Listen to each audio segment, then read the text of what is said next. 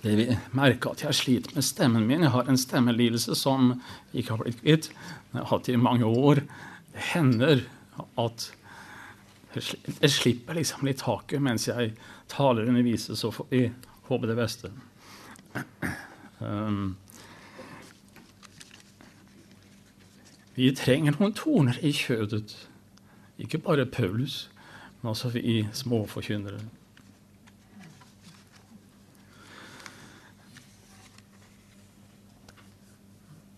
Er litt for stemmen min at den holder nå. Jeg har slitt litt spesielt nå i siste, så det kan jeg gjerne gjøre.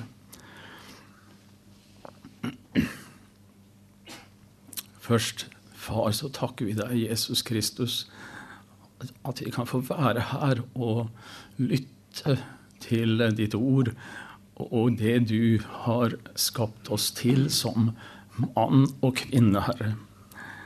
Dette er et stort og vidt og vanskelig område. Vi ber om lys og hjelp ved Din Hellige Ånd, Herre. Kom til oss. Og vi ber at vi får se inn i noe av det du har tenkt for oss. Jeg ber om stemme og ber om at du legger en hånd på den, og at um, det ikke hindrer deg i det du vil ha fram. Det ber vi om i Jesu navn. Amen.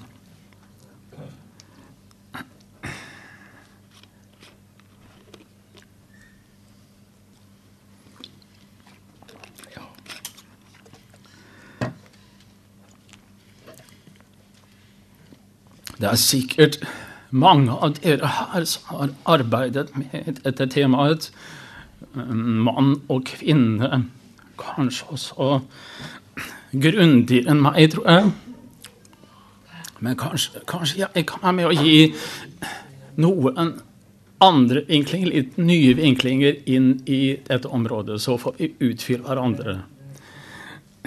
Jeg er spent også på samtalen etterpå. En foredragsholder vil gjerne at alle samtykker, så blir det liksom ikke noe problem. Men eh, det er også veldig godt hvis det blir um, en debatt, for da har prosesser satt, blitt satt i gang, og så lærer vi av hverandre gjennom det også. Så det er, det er en vinn-vinn-situasjon å holde et foredrag uansett. Jeg ser på mitt innlegg her som et som sagt, innlegg, et innspill til et vanskelig og stort felt. Min vei inn i denne tematikken ja, den kanskje starta tidlig, som de fleste her, nemlig forholdet mellom mann og kvinne, gutt, jente. Det er noe vi har vært opptatt av helt siden vi var små. Um, ulikheter og likheter og spenningen og rare ved det andre kjønn og alt dette her er sikkert fulgt oss. Og så fikk du aktualiteten her den kristen og kvinneprestdebatten på Menighetsfakultet spesielt. På 70-tallet gikk høyeste grad noen skikkelige bølger den gangen, og Carl Fredrik Bisløff var en hjelp og støtte for en del av oss. Senere så arbeidet jeg med brudemystikken, som jeg altså skrev en bok om. da.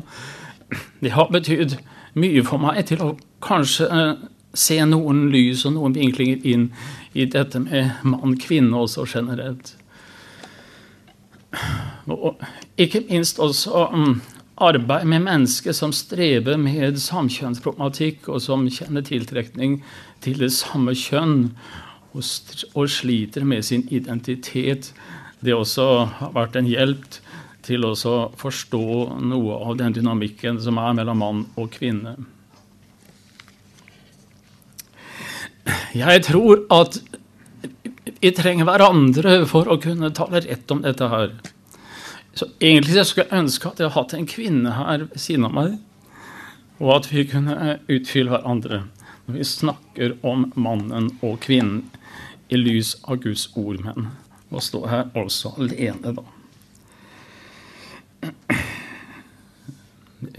Bare for å ha sagt det med en gang, jeg skulle sperre. Jeg tror på tjenestefordeling.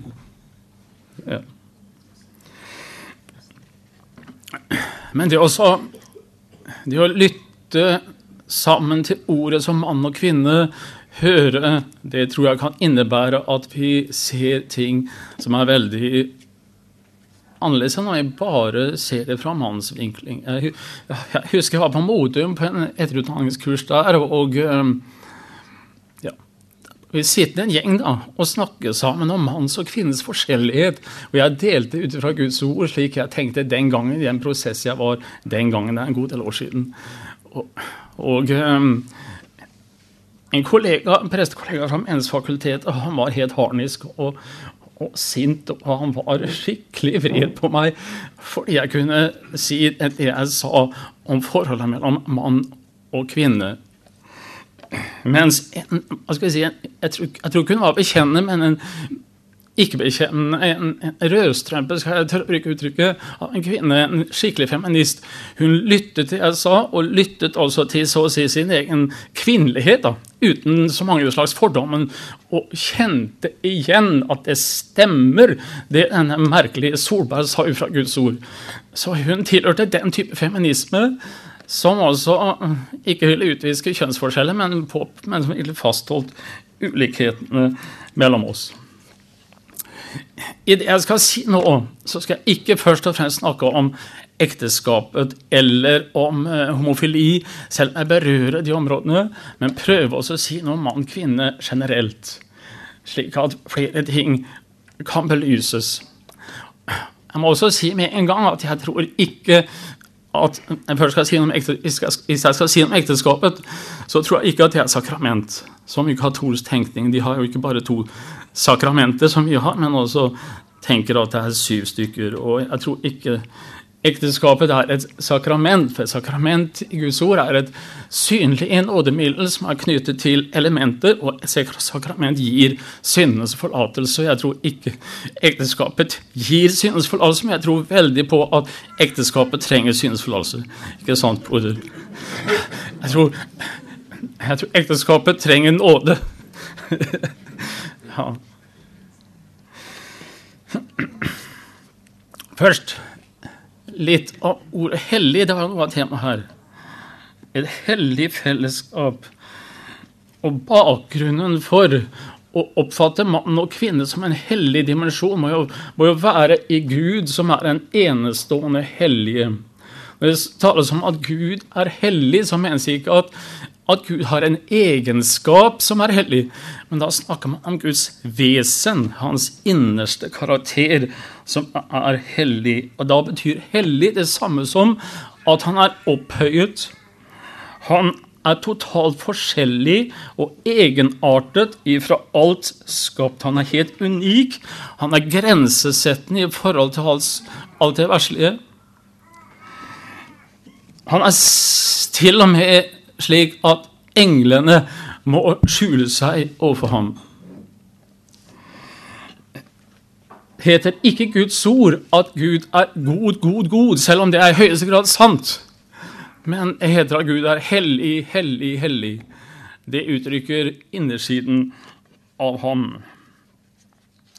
Og sånn sett så kan vi si at den hellige Gud er et største problem. Han er farlig for oss. Vi kan ikke omgås han på en lettvint, respektløs måte. I Gamle Testamentet så måtte man omgås Gud gjennom spesielle ordninger og ja, spesielle ritualer osv. Vi i Nytestamentet vi tror at vi bare kan omgås Gud i Kristus Jesus, ved troen på Jesus Kristus alene. Det er bare Kristus alene som renser, innvier og helliger oss for Ham som er hellig. Og det gjør han med hellige midler. Så vi kan si at eh, Kristus han ofret seg, den hellige Kristus ofret seg for, for å gjøre vanhellige hellig. Og han, han formidler sin hellighet og sin frelse gjennom hellige midler. Og han skaper troen i oss som tar imot hans hellighet gjennom nettopp sitt eh, hellige middel. Dåpen, atvern, ordet. Så Det er grunnlaget for å forstå hva hellighet er. Det, det finner man bare i Gud.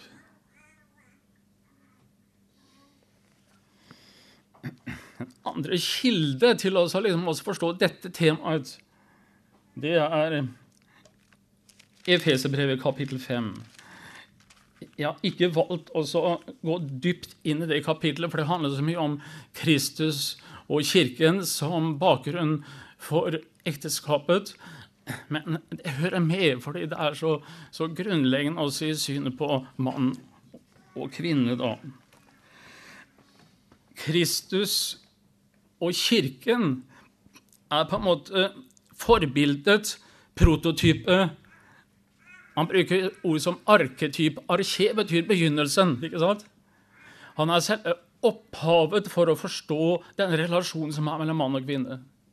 Det begynner der. Så Kristus og Kirken, Kristus som brudgom, vi som brud, er ikke bilder. Det er realiteter. Det er en høyere virkelighet, mens vi er bilder på ham. Vi skal avbilde ham som Guds bilde på jord. Og Ekteskapet også avbilder ikke minst denne relasjonen mellom Kristus og Kirken. Jeg tror at vi konservative har sviktet ganske mye når det gjelder forkynnelsen av brudgom brud. For hadde vi løfta det mer fram, så tror jeg også at vi hadde hatt veldig mye mer å fare med å skjønne også når det gjelder andre områder som forhold mellom mann og kvinne, tjenestedeling, homofili, synet på oss selv osv. Det, det får mange slags konsekvenser. Jeg står innenfor en hellig ektemann og en hellig brud. Og det som Efesene 5 forkynner, det er at bruden er så vakker. Vi syns vel ikke det alltid om oss selv, men også i Guds øyne, i Kristi øyne, så er bruden vakker. Helliget ved vannbadet i ordet, skapt av den hellige hans død oppstandelse. Så vi kan spørre oss selv, brødre og søstre, tror vi at vi er rene og rettferdige, hellige og vakre for Gud? Hvis ikke vi tror det, så er det på en måte noe som mangler i troen på Kristi blod. Da tror vi ikke at Kristi blod har helliget oss, men vi leter da inni oss selv og leter etter en hellighet som ikke vi finner et annet sted enn i ham. Men for Gud i Kristus så har vi en renhet som er så ufattelig Det tar pusten fra oss om vi hadde skjønt det, at um, Herren, han blir helt betatt av oss. Det er altså en sannhet at ved troen på Kristus så blir vi behagelige for Gud. Ikke ved gjerninger, ikke ved noe av det vi gjør. Bare ved troen på Kristus alene så oppfyller vi alle bud i Guds øyne. Det er ikke noe som mangler da. Da er alt på plass. Alt er ferdig. Ved troen på Jesus alene. Vi kan ikke hjelpe til. Bare Jesus har gjort alt vel igjen. Han har gitt meg sin hellighet. Derfor sier Luther i sin galatpresskommentar, jeg tror på en hellig allmenn kirke. Men hvis jeg ser utover en forsamling, slik som f.eks. For denne forsamlingen, så kan jeg jo ikke se at forsamlingen er hellig. Jeg ser her halvtrøtte folk og ser at de ja, sitter her med sine ulike tanker og meninger om både Solberg og alt annet. og Her er sikkert spenninger og kritikk og litt av hvert. Og så kan jeg tro at denne forsamlingen er hellig. Jeg kan bare tro det fordi Kristus selv er vår hellighet og har gitt sin egen hellighet til oss og dekker oss med sin nåde og sitt blod. Derfor tror jeg at denne forsamlingen heller, at det er et hellig samfunn som er samlet her av menn og kvinner. Så eh, Kristus og Kirken er i høyeste grad noe som hører med i tanken om mannen og kvinnen. Kristus er den som brøt igjen. Han tok initiativ for å redde oss. Han gjorde alt alene. Han kjempet og sloss. Han tok på seg dommen. Han brøt igjennom skilleveggen. Han banet vei tilbake til Faderhuset. Mens bruden tror, har tillit til ham, stoler på at han har gjort det, tar imot hans ord, gleder seg over det og ærer ham tilbake. Det avspeiler noe av mannens og kvinnens karakter også. Og jeg skal berøre det litt utover, hvis tiden tillater det.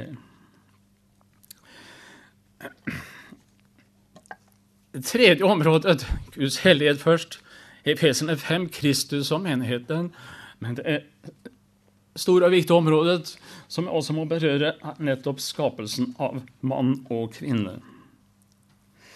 I første Mosebok kapittel 1 så står det, som vi alle vet, vers 27 Og Gud skapte mennesket i sitt bilde.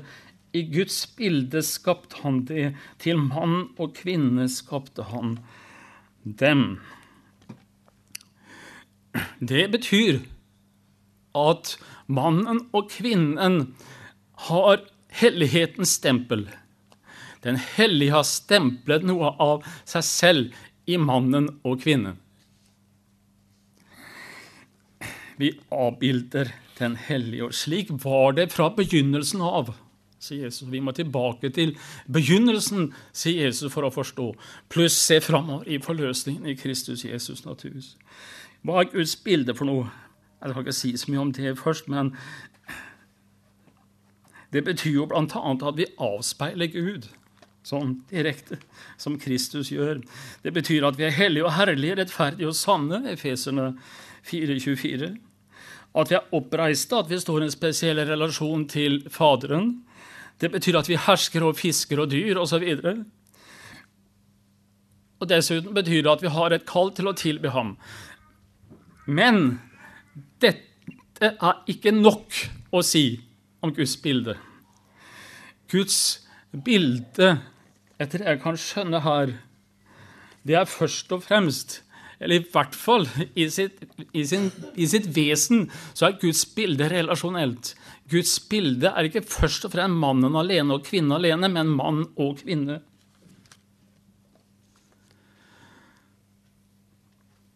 Det enkelte mennesket kan ikke romme fylden av Guds bilde, men mannen og kvinnen til sammen rommer Guds bilde.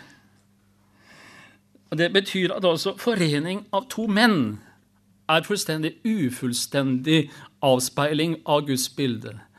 Man kan kanskje si det så sterkt vel at det er en vanhelligelse av Guds bilde.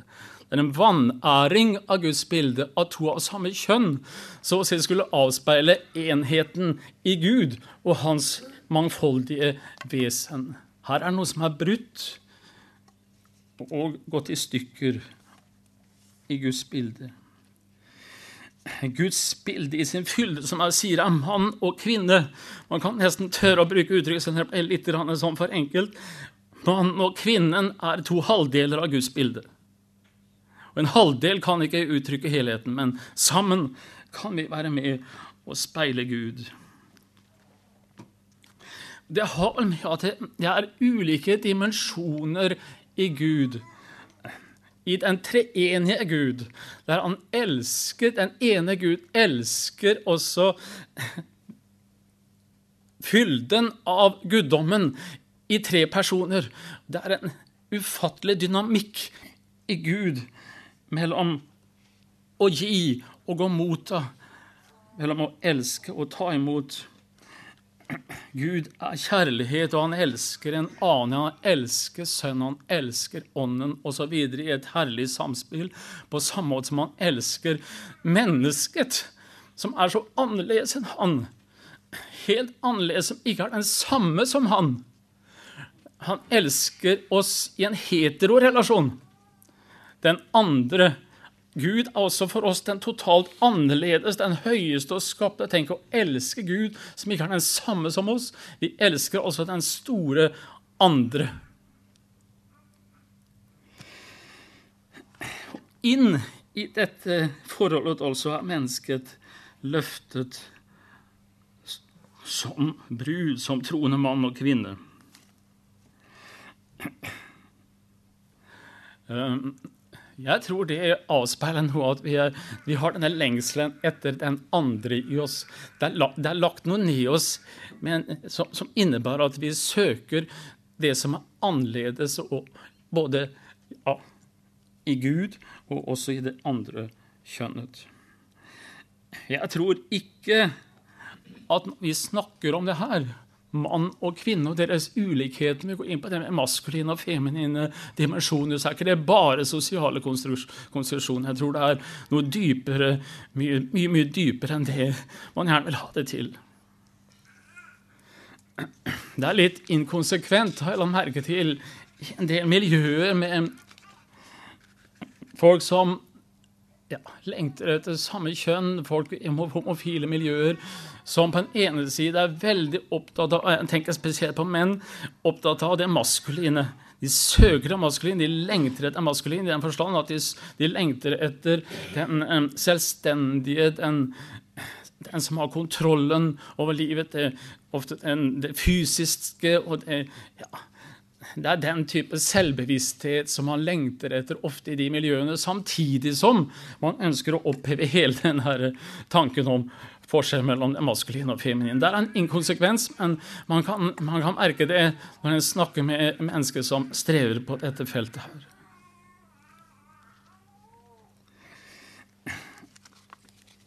Et utrolig vanskelig felt er dette med skapelsen av mann og kvinne. Det er vanskelig å oversette ordene. Husker Råd Sverre? Vi har sittet sammen i Norsk Bibels, Bibelspråkråd og kjempa bl.a. Med, med de begrepene og de ordene som vi møter her i Skriften, og som vi har oversatt med mann og kvinne. Og spørsmålet er om det er dekket dekkende for det som ligger i begrepene, i det som Herren sier her. Til mann og kvinne skapte han dem. Det er så nærliggende å tenke, hvis, vi, hvis det er sånn at mannen og kvinnen i seg selv som kjønn at det er det som først og fremst uttrykkes her. Det er så lett å tenke at Gud også da har et kjønn. Eller at Gud har seksualitet. Det må ikke tenkes sånn, men det er for spørsmål litt, litt nærliggende at det kanskje ordet mann-kvinne kan skape en del sånne assosiasjoner og misforståelser. Jeg spør meg, og jeg tror Kanskje med ulike begrunnelser, muligens, men jeg tror sånn som både Odd Sverre jeg tenkte, og noen andre også gjør fortsatt, så tror jeg at ordene som her brukes på hebraisk, først og fremst skulle oversettes med det, det mannlige og det kvinnelige, rett og slett. Som rommer flere sider i seg, som får fram både konkrete og samtidig noe dypere og høyere. Så, sånn sett så kunne man nesten oversatt det med dette, disse grammatiske betegnelsene maskulinum og femininum. Dere har møtt dem i, sikkert i grammatikken. Maskulinum det er liksom hankjønnet, og så har vi femininum, det er hunkjønnet, og så har vi nøytrum, som er intetkjønnet. Disse, disse begrepene kjenner vi til. Og, og, det er det man kaller genus, liksom opphavsbetegnelsene for noe som, som finnes konkret. Så spørsmålet ikke om, om disse ordene her handler om noe som er opphav, noe som er høyere, det vil si så fint som er transcendent. altså At ordene liksom går ut av seg selv mot noe høyere enn bare den konkrete mannen og kvinnen som vi ser med våre øyne, men at det handler om noe som er enda mer i mennesket. Og da kan ord som mannlig og kvinnelig være ganske eh, ja, passende, tror jeg. Det brukes jo ikke samme ord her, nemlig om mann og kvinne som det gjøres senere i, i Første Mosebok 2. Da brukes ord ish og isha. Her brukes andre begreper.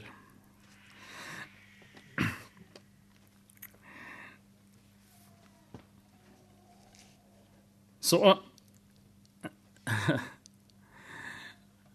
Når vi bruker ordet maskulint og feminint, så er ikke det det samme som at maskulinitet er samme som mannen, eller femininitet er samme som kvinnen. Men um, mannen har et kall til å så, å si, demonstrere noe av det maskuline mer enn det feminine, og omvendt. Men altså i begge kjønnene skal det være begge dimensjoner, tror jeg. Mannen derimot har sin primære identitet i det maskuline, og kvinnen i det feminine. Så blir det merkelig rotete. og det jeg som har jobba i mange mange år med gutter og jenter som strever med kjønnsidentitet, de lengter rett og slett etter å komme i samsvar med det innerste i seg selv, og som de kjenner de mangler.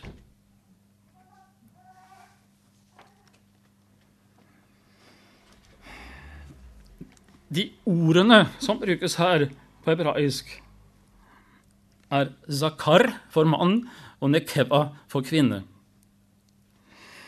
Zakar på hebraisk betyr ja, for det første dette med å ihukomme og minne og huske ting. så Det ser ut som farens oppgave å liksom bevare hukommelsen, eller minnet om slekten før. Men når, når, jeg, når jeg taler om Zakar her i, i forbindelse med kjønnene, så betyr nok Sakar, som det ofte også fremstilles fremheves en god del leksika òg, da betyr sakar det samme som det skarpe. Det som trenger igjennom, som kommer utenifra, og som utholder. Zakar, altså det vi oversetter med mann, eller som jeg kanskje helst ville da oversette med mannlig, det er det som er skarp, som trenger igjennom, som utholder. Mens ordet for kvinnen er kebba. Det betyr egentlig det som er gjennomboret, perforert. Det betyr en dybde, en hule. Og jeg har også sett at det brukes i forbindelse med en juve juvelers arbeid. Altså noe som omslutter, som rommer, er ordet for kvinnen. Hun omslutter, bærer, verner sæden, barnet og andre. Så selve ordene her er veldig sterke. De sier mye om oss. De hebraiske ordene er veldig nakne og direkte. Man kunne nesten bruke dem om selve kjønnsorganene.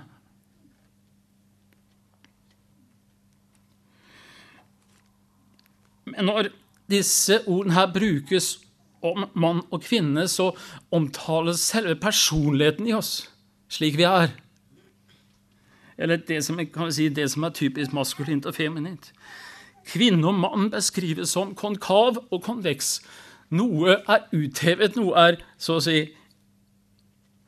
Eller innbuet, og noe er utbuet. Bruker det uttrykket isteden. Så dette, dette, er ord som peker utover liksom bare liksom kroppen. Men altså, vi tror i det jødekristne forståelse av mennesket, av mann og kvinne, at kroppen taler om hvem vi er. Det benektes i stor grad i vår tid. Kroppen vår, slik Gud har skapt den, forteller oss noe om vår karakter.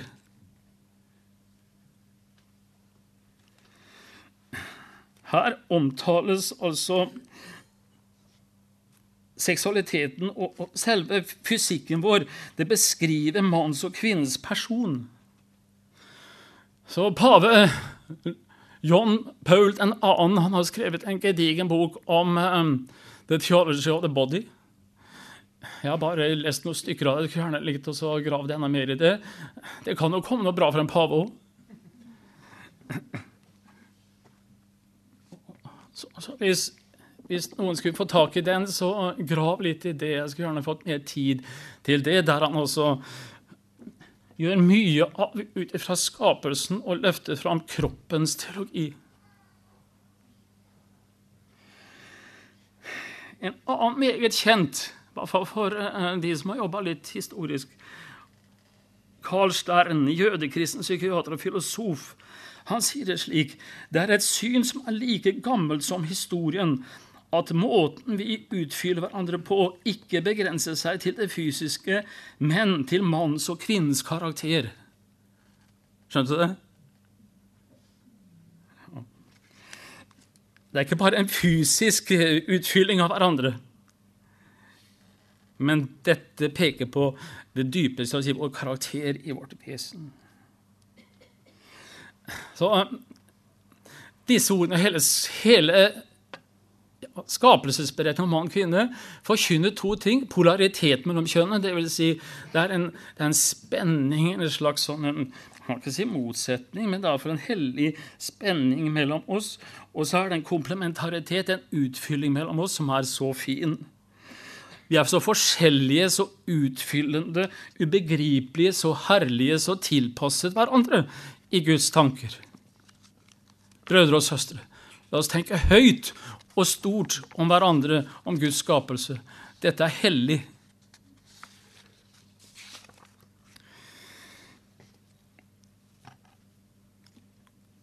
Og så er det ikke slik at vi står alene bare om å få fram forskjellene mellom oss.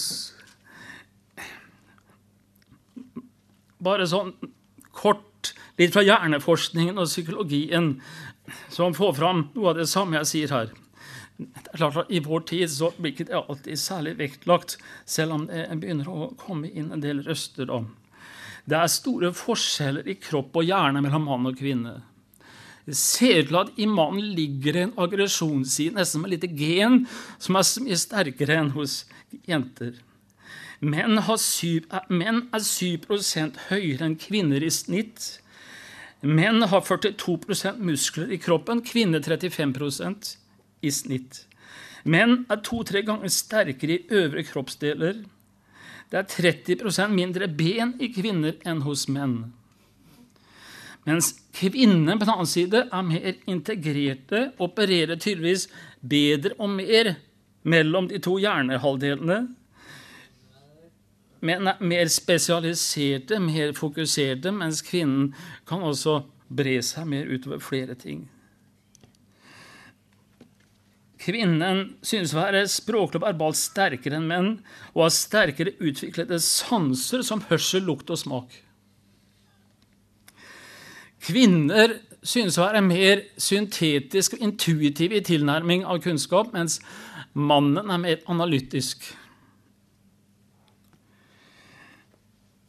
Så det er, det er mer enn biologiske forskjeller mellom oss. Det er, det er andre forskjeller også. Forskjellen mellom oss som menn og kvinner går ikke, går ikke på intelligens. Det er tror ganske like, selv om altså måten vi tenker på, kan være litt ulik. Men sånn hele liksom IQ Vi skal bedømme det, så er det ikke så, så, så, store forskjellene sånn, vil jeg tro, da. Jeg håper ikke det. Men når det gjelder kroppen, relasjoner, intuisjon, følelser, tilnærming til ting, så er det forskjeller. Så det er i og for seg noen ganger greit å hente litt fra hjelpevitenskaper. Det var litt interessant i går. Jeg skal ikke eh, si mye om det, men det var altså en kvinne, en mindfulness-filosof, en journalist som jobber med meditasjon, sikkert en buddhisme også, men hun hevda ganske tydelig og sterkt at det er vesentlig forskjell mellom mann og kvinne. Og, og, og innrømte at det er, ikke, det er ikke alltid det blir ivaretatt og akseptert så mye i vårt samfunn. Men hun fremhevet kroppens forskjell og ulike tilnærminger veldig mye likt av det jeg her sier. Det er jo interessant at det faktisk kommer røster etter hvert da man sånn dilter etter og skjønner endelig så er det forskjeller mellom oss. Tenk det at man har skjønt det. At man måtte gå en så lang runde for å begripe det. Men Jeg har ikke så veldig tillit til de forskjellige ideologier, men det er litt interessant. Men jeg tror også at i Guds ord så ligger det nedlagt dype sannheter. Guds ord sier ikke alt, og klarer ikke, har ikke liksom skrevet en, en biologi eller en dyp forklaring av karaktertrekk som han som, men vi må bare se det fra ulike sammenhenger mellom Kristus og kirken, skapelsen av mann og kvinne. Kanskje også i Kristi person så ser man noe spennende i Jesu Krist. Han er jo Guds bilde. Han er åpenbart som mann, men fordi han er Gud, så rommer han noe av helheten. som er så du vet, I Kristus så møter man en, en voldsom maskulinitet. Han driver ut eh, alt som er av rubbel og bit av tempelet. Voldsom vrede, og det kan man også møte i, i, Guds vesen i Gamle testamentet. Men i Kristus møter man også en voldsom kjærlighet og utgivelse og omsorg for disipler og andre. Som er helt makeløs. Som han, han rommer helheten mellom det jeg kan kalle det maskuline og feminine i oss.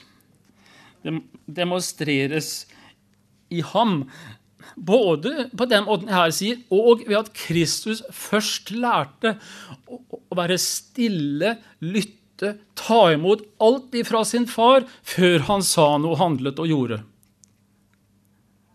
Det har vi menn mye å lære av. Først stille for ordet, lytte, høre, og så handle.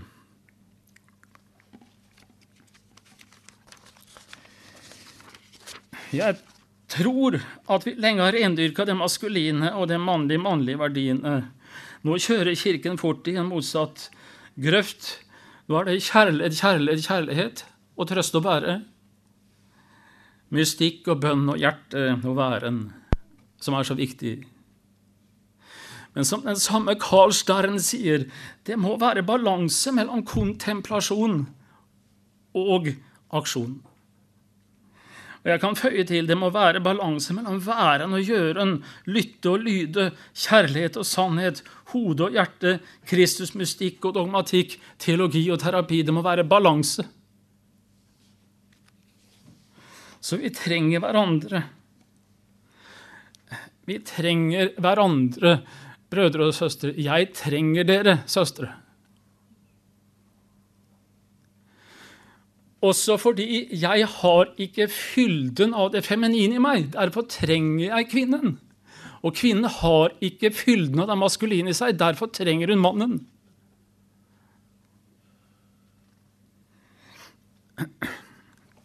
Hvorfor tiltrekkes da noen menn av menn, noen kvinner av kvinner? Ja, det, det, har nok sammenheng med det at man ikke har fått, den, fått fylt opp det tomrommet fra barnsben opp igjennom, som innebærer at man har hatt et underskudd, et vakuum, på, for, en mann av maskulinitet. Man har stengt det ute, og, og, og så søker man det da i en annen mann. og, og hvis Herren fører et menneske i prosesser og får fylt opp den indre maskuline tomrommet, eller det som skulle være det maskuline rommet, når det får flyte over, når det blir normalisert, så vil man automatisk søke det motsatte kjønn. Så har man en normal identitet som mann og kvinne, så søker man normalt det motsatte kjønn. Men hvis kjønnsidentiteten lider fra man er liten eller i ungdomstiden, så vil man hele tiden søke det samme kjønn inntil man finner den balansen at det motsatte kjønn blir spennende. Men så lenge man har dette underskuddet, så er det samme kjønnet spennende fordi man føler også mangelen i seg selv.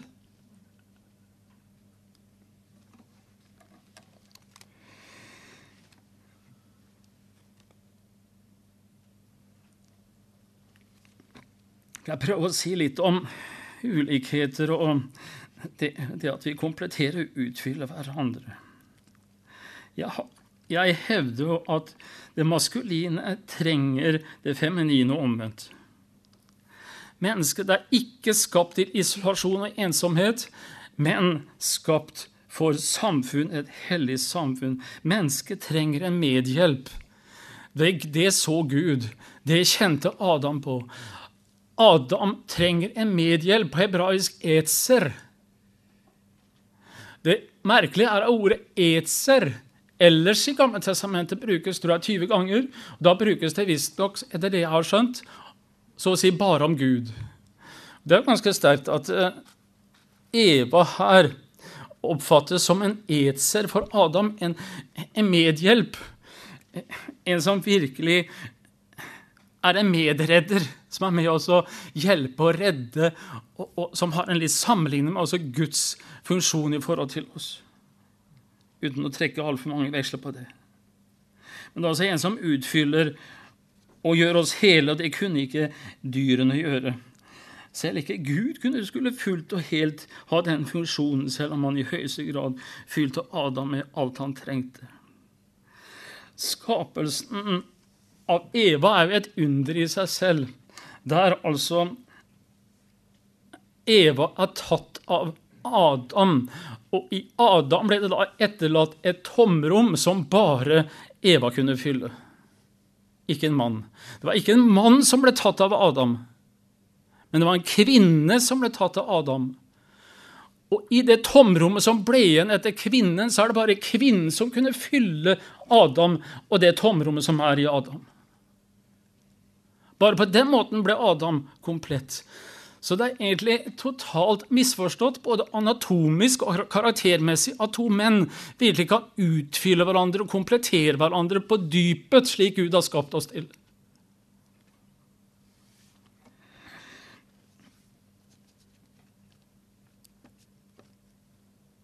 Det er et dypest sett et heterom. Alle er skapt hetero. Det må jeg være klar over. Det er ikke noen som er skapt homofil identitet eller født homofile. Alle er skapt hetero. Men noen har fått et eh, homoseksuelt problem. Det er noe annet. Men det betyr ikke at de er det i sitt, i sitt vesen, konstitusjon. Det ligger denne heterolengselen i oss dypt. Den kan begravd i noen. Paradislengselen etter kvinnen. Så skapelsen av kvinnen får fram liksom virkelig utfyllingen, det også mellom kjønnene. Der hvor personer blir både relasjonelt og identitetsmessig og seksuelt komplette i forhold til hverandre. Og Det betyr ikke her at vi må være gift for å skjønne at vi utfyller hverandre. Det kan man også oppleve som mann og kvinne i renhet, i tjeneste, i menighet, i samfunn osv. Men hva erfarte Adam i møte med Eva når han så henne når han våknet fra søvnen? Da erfarte han at hans ensomhet, hans urensomhet, ble fylt opp. Han er mann, ish, hun er kvinne, Isha. Så mann og kvinne ett. De er to sider av samme sak, på en måte. Så Adam fant seg selv i henne, et du som han kunne elske. Og for det andre, Adam erfarer å bli komplett, hel, hos henne som utfyller ham, liksom bruden fyller Kristus og fyller ham med glede, som er den høyeste åpenbaring av den samme sannhet. Så er vi med og fyller Kristus, han som lengtet etter oss fra evighet. Du skal tenke stort og høyt om ditt samfunn, også med Kristus. Og på samme måte altså her, da, hvordan Eva fylte Adam opp, så han ville jublet dette er da bena mine ben. Og for det tredje, Adam får her identitet. Altså Personlig identitet det får vi med hverandre om vi bare med, bare sammen med menn. for så vidt. Hvis jeg er bare sammen med menn. Men kjønnsidentitet det får jeg bare i møte med det andre kjønnet, der jeg ser at jeg er annerledes. Nå skjønte Adam at han var den andre, ikke den samme. Så Eva var helt lik ham, men samtidig så ulik at Adam ble, Adam ble på en måte dratt ut av selvkretsingen. Og Adam fikk identitet. Han, han skjønner han er mann. Erfarte det på dypet. Og Da må jeg sitere en annen. Han er reformert teolog, men han har skrevet en voldsom dogmatikk, church dogmatics. Han het Carl Barth. Han har mye å si på dette feltet her. Han skriver hvis Eva bare var som Adam, altså en tallmessig mangfoldiggjøring av ham, ville ikke hans ensomhet bli fjernet. Et slikt menneske ville ikke stå for ham som en annen en. Han ville bare gjenkjenne seg selv i det. Han ville bare gjenkjenne seg selv i det. I møte med det samme så ser jeg dypest sett bare meg selv. Men i møte med det andre så ser jeg altså meg selv i et nytt lys, og jeg møter den andre.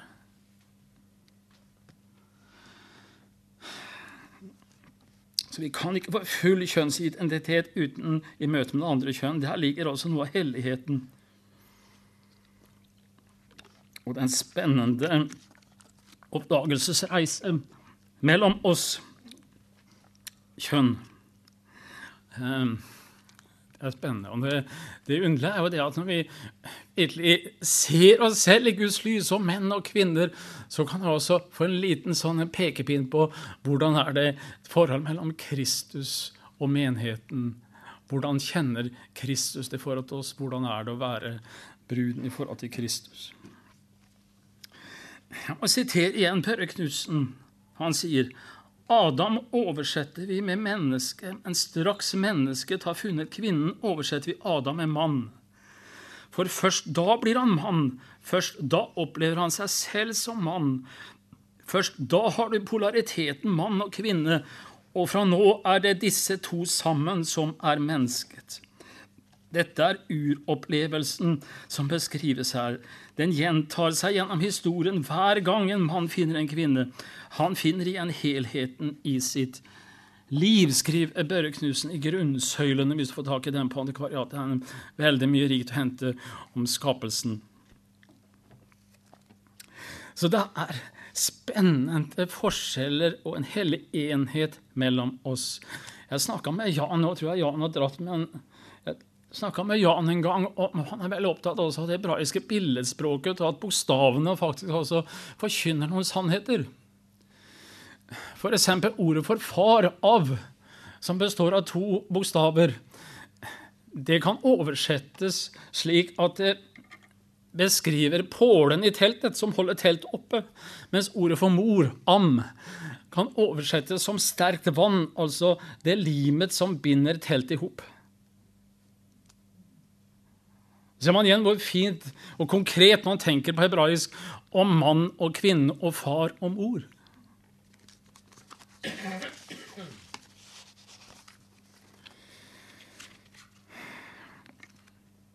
Så tror jeg altså Jeg trenger hverandre, men jeg trenger også å, å slutte fred med det feminine i meg. Og liksom du, kvinne, må trenge hjelp til å få kontakt med maskulin i deg. At jeg som mann hele tiden huske på at jeg må bevare dette med å lytte og svare og motta, romme Herren. Og, men samtidig som jeg må ta initiativ og være sterk, at kvinnen også skal bevare visstnok det med varme og gi næring, men også bevare styrke og initiativet, så ikke hun blir passivisert og overkjørt. Så ikke mannen rett og slett blir en farlig kriger. Men jeg tror altså det at mannen har en større kapasitet til å romme det maskuline, og kvinnen en større kapasitet til å romme det feminine. Hvis jeg nå til slutt, og Jeg er ikke helt ferdig, men dere har ikke sovna. Det syns jeg er utrolig. Men. Noen avsluttende punkter som får fram den fine, hellige fellesskapet mellom oss. Adam, ser vi ut ifra skapelsen, ble skapt først. Paulus sier, bruker ordet 'plasso' på gresk, som betyr han er formet og dannet først, og tatt direkte fra den hendelse. Så det betyr at Adam er den da som initierer. Adams skapelse vi er klar over, skjedde til og med før paradishagen ble planta. Og Dette er begrunnelsen for Paulus' ord om at kvinnen ikke skal være lærer og mannens herre. Mens Adam var den første, og maskuliniteten har dette i seg, dette som bryter gjennom, kjemper, beskytter, og kvinnen har en annen funksjon, men like for Gud. For det andre Adam ble født utenfor haven. Jeg skal ikke gjøre for mye av det, det er kanskje litt søkt, men det er litt interessant da, at Adam ble født utenfor haven og Eva i hagen. Kan jeg tørre å si noe om det? Det, det er noe med at det, det ligger noe i, i, mannen at det er noe som skal være utemmet, ikke så kultivert, ikke sånn ramma inn i en hage. Det er noe av det, det, det frie. Noe av løva i ham, altså. Som man ikke skal temme og få i bur. Jeg satt eller, jeg lå faktisk da og hvilte litt. Jeg jobba litt med det her sånn i går. Og så var det litt et TV-program som rulla over skjermen fra det svenske kjøpesenteret Ullared, som er sånn skikkelig sånn harrysted framfor alle andre harrysteder, har inntrykk av. Og um, Der gjorde man en undersøkelse over forskjellen mellom menns og kvinners kjøpevaner. Da. Og Det var ganske interessant. For Der spurte man også en, en kvinne hvor lenge hun kunne gå i kjøpesenteret. 黑老大更说话